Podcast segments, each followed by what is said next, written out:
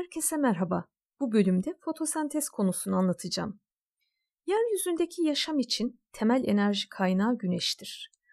Ancak bu ışık enerjisinin canlıların kullanabileceği başka enerjilere dönüştürülmesi gerekir. Bu dönüşümün ilk basamağı fotosentez olayıdır. Klorofil taşıyan canlıların inorganik maddelerden organik madde sentezlemelerine fotosentez denir.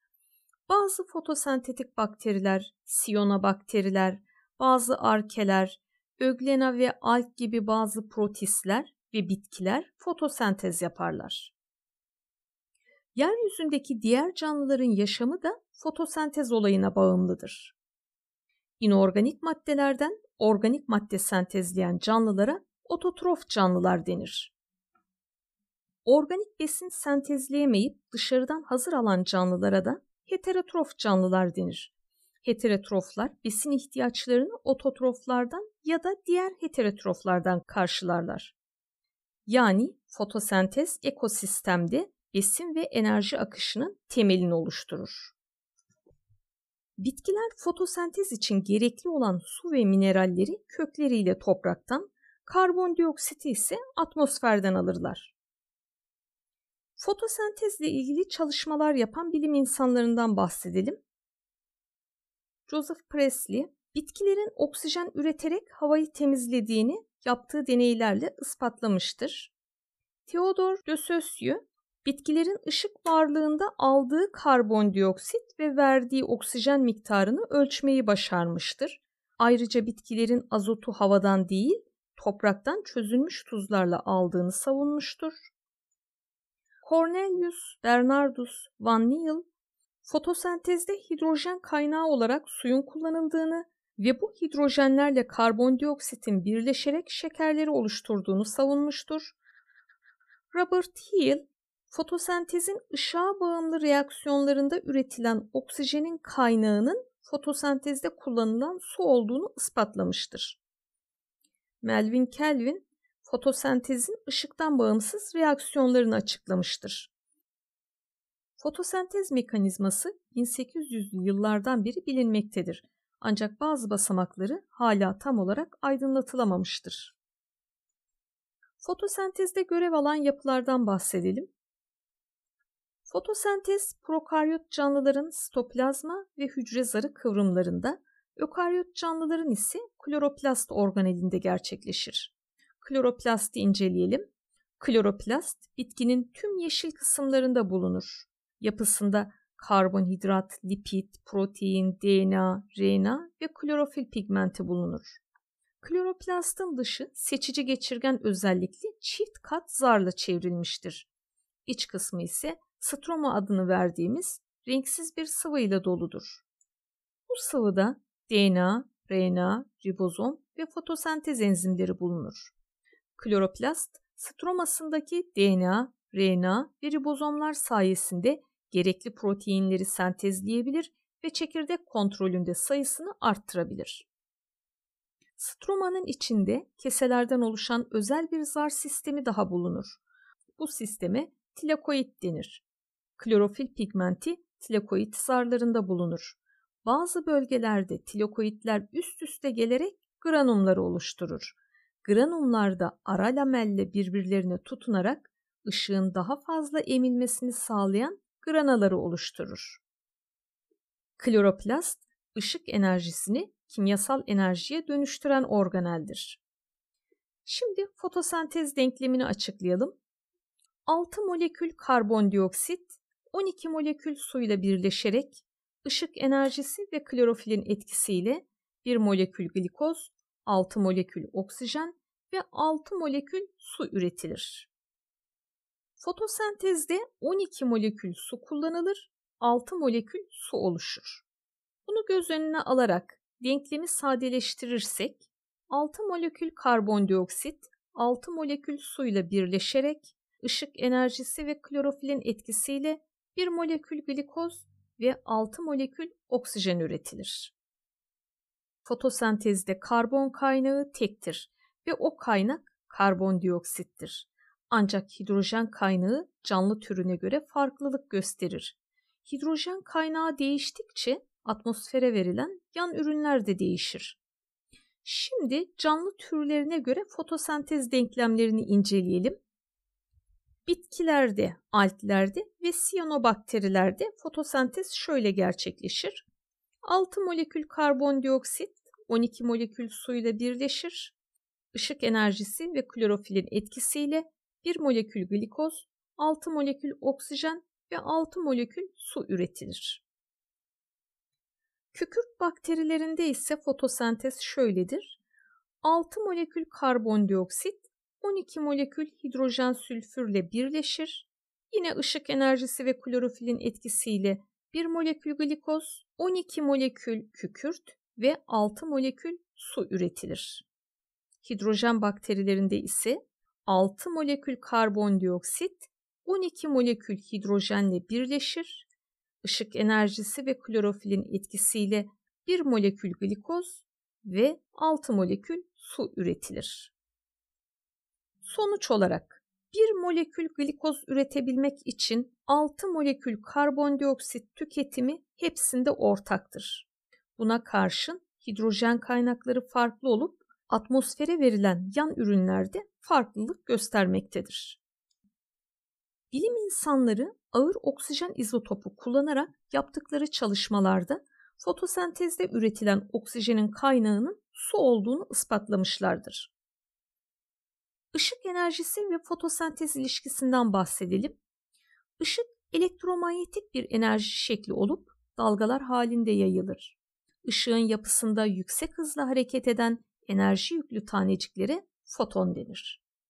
Işığın iki ardışık tepe noktası arasındaki mesafeye de ışığın dalga boyu denir.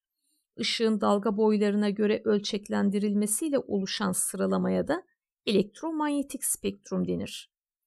Elektromanyetik spektrumda 380 ile 750 nanometre dalga boyları arasında yer alan ışıklar insan gözü tarafından farklı renkler olarak ayırt edilerek görülebilir ve yaşam için önemli ışıklar bunlardır. Fotosentezde görünür ışık kullanılır. Atmosfer görünür ışığı yeryüzüne ulaştırırken diğer ışınların büyük bir kısmını engeller. Işık saydam bir cisme çarparsa içinden geçebilir, parlak bir cisme çarparsa yansıtılabilir, siyah bir cisme çarparsa emilebilir. Fotosentezde üçü de aynı anda gerçekleşir. Fotosentezde görünür ışığı emen ve renk veren maddelere pigment denir. Farklı pigmentler farklı dalga boylu ışığı soğurur. Soğurulamayan ışıklar ya yansıtılır ya da geçirilir. Fotosentez pigmentleri en çok mor ve kırmızı dalga boylu ışığı soğurur. Yeşil dalga boylu ışığın çok azını soğurur, diğer kısımlarını yansıtır. Yapraklar bu nedenle yeşil renkte görülür. En önemli fotosentez pigmenti klorofildir. Klorofilin yapısında karbon, hidrojen, oksijen, magnezyum ve azot atomları bulunur. Klorofil ışığı soğurur ve yapısındaki elektronlar ışık enerjisini ETS elemanlarına aktararak bu enerjiyi kimyasal enerjiye dönüştürür. Klorofilin yapısında demir yoktur. Ancak klorofil sentezinde görevli enzimin yapısına kofaktör olarak katılır. Bu nedenle demir bakımından fakir toprak bitkilerinde klorofil daha az sentezlendiği için buna bağlı olarak fotosentez hızı düşer. Bitkinin gelişimi de yavaşlar. Bitkilerde klorofil dışında karotenoidler dediğimiz çiçek ve meyveye renk veren başka pigmentler de vardır. Bunlar turuncu renkli karoten, sarı renkli ksantofil ve kırmızı renkli likopendir. Karotenoidler fotosentezde klorofile yardımcı olurlar. Klorofilin soğurduğu ışıktan farklı dalga boylarındaki ışıkları soğurarak klorofile aktarırlar. Fazla ışığı da emerek klorofilin zarar görmesini önlerler. Fotosentez hızıyla görünür ışık arasındaki ilişkiyi Theodor Engelmann ipliksi al ve oksijenli solunum yapan bakterileri kullanarak yaptığı deneyle açıklamıştır. Deneyde ipliksi algin farklı kısımlarına farklı dalga boylarındaki ışık gönderilmiştir. ortama oksijenli solunum yapan bakteriler bırakılarak bakterilerin hangi noktalarda toplandıkları gözlenmiştir. Deneyin sonucuna göre bakterilerin daha yoğun toplandığı bölgeler algin, mor, mavi ve kırmızı dalga boylu ışığın düştüğü noktalar olduğu gözlemlenmiştir. Engelman bu deneyle fotosentezin en çok mor, mavi ve kırmızı, en az ise yeşil dalga boylu ışıkta gerçekleştiğini ispatlamıştır. Fotosentez reaksiyonlarını inceleyelim. Fotosentez ışığa bağımlı ve ışıktan bağımsız reaksiyonlar olmak üzere iki aşamada gerçekleşir. Işığa bağımlı reaksiyonlar ökaryot hücrelerin kloroplastlarındaki granalarda, prokaryot hücrelerin hücre zarı kıvrımlarında gerçekleşir. Işık olması şarttır. Bu evrede ışık enerjisi kimyasal enerjiye dönüştürülür ve geçici olarak ATP'de depolanır. Ayrıca klorofilin soğurduğu ışığın bir kısmıyla su molekülleri parçalanır. Buna fotoliz denir. Önce suyun fotolizini inceleyelim.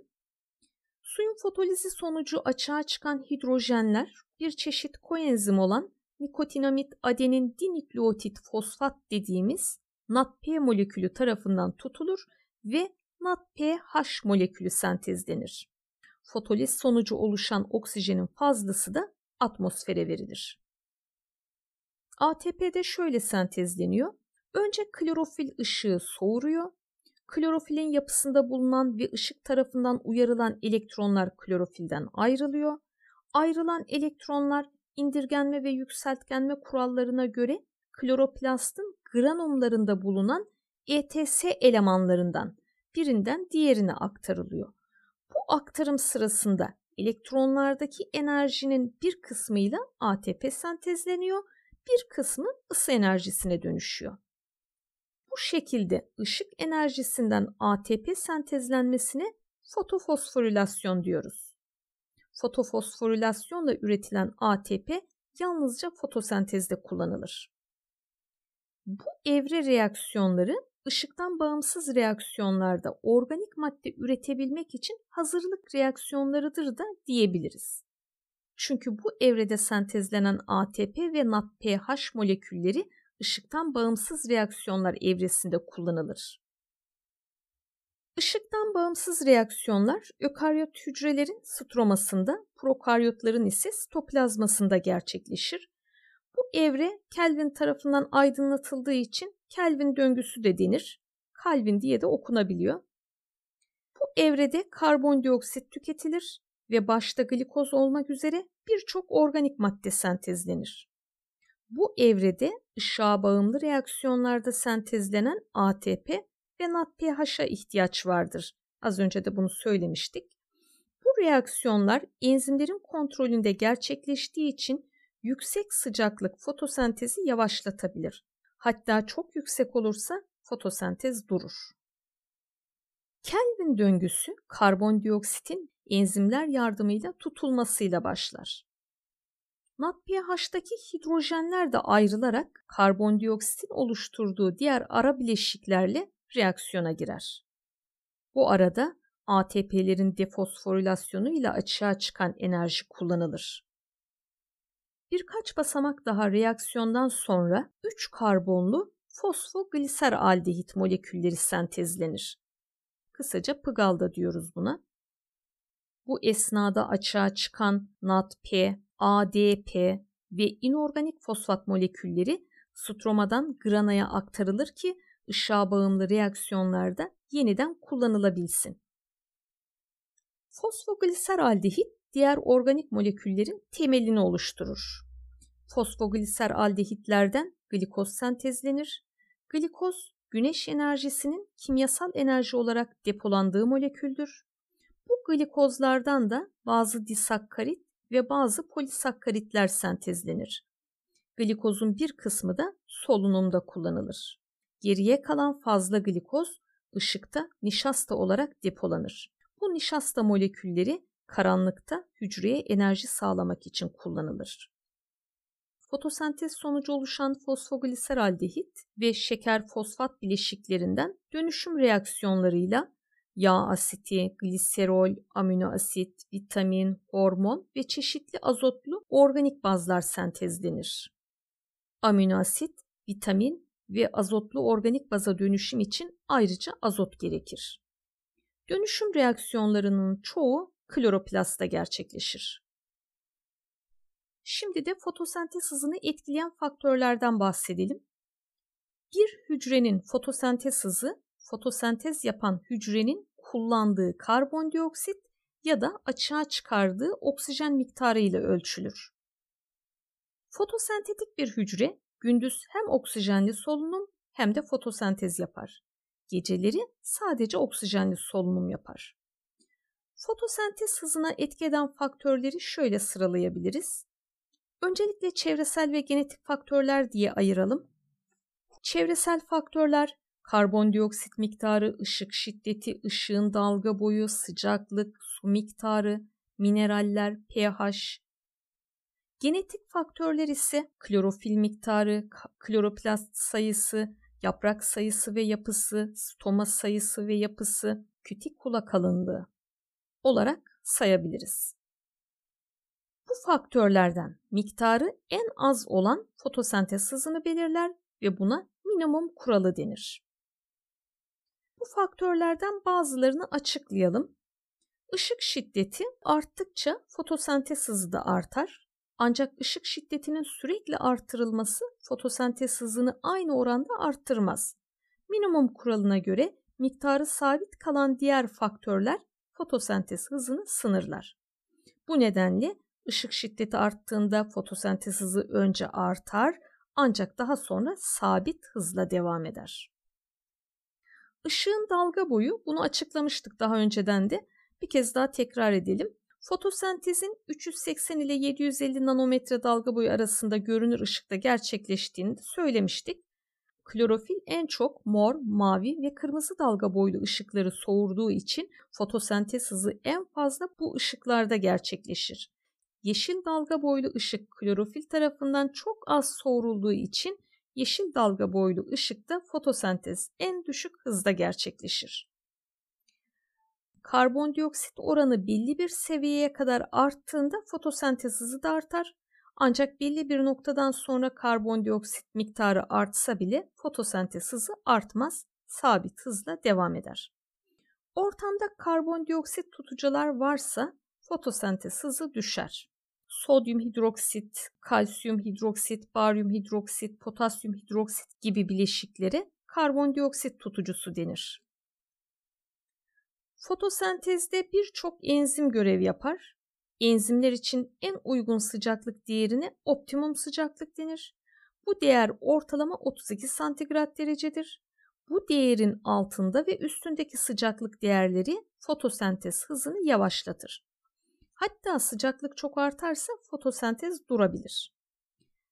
Işık şiddeti ve sıcaklık bir arada düşünülürse yüksek ışık şiddeti altında sıcaklık artarsa fotosentez hızı belli bir değere kadar artar. Ancak düşük ışık şiddeti altında sıcaklık artarsa fotosentez hızında belirgin bir artış olmaz. Klorofil miktarı arttıkça fotosentez hızı da artar. Yaprak sayısı ve yaprağın genişliği arttıkça buna bağlı olarak kloroplast sayısı da artar ve fotosentez hızı da artar. Stomalar gaz alışverişini sağlayan yapılardır ve stoma sayısı arttıkça fotosentez hızı yine artar. Kütikula ise yaprak yüzeyindeki koruyucu mumsu yapıdır. Su bitkilerinde ince, kurak bölge bitkilerinde daha kalındır Kalınlık arttıkça ışık yeterince kullanılamadığı için fotosentez hızı düşer. Tarımsal ürün miktarını arttırmak için yapay ışıklandırma sistemi kullanılır. Doğal ışığın yetersiz olduğu durumlarda ışık miktarının elektriksel aydınlatmayla karşılanmasına yapay ışıklandırma denir. Kış aylarında gündüzlerin kısalması ve bulutlu gün sayısının fazla olması doğal ışık yoğunluğunu azaltır. Yapay ışıklandırma seracılıkta sıklıkla kullanılır. Mor, mavi ve kırmızı ışıkla aydınlatılma yapılması fotosentez hızını arttırır. Evet, fotosentez konumuzu bitirdik. Tekrar görüşmek üzere, hoşçakalın.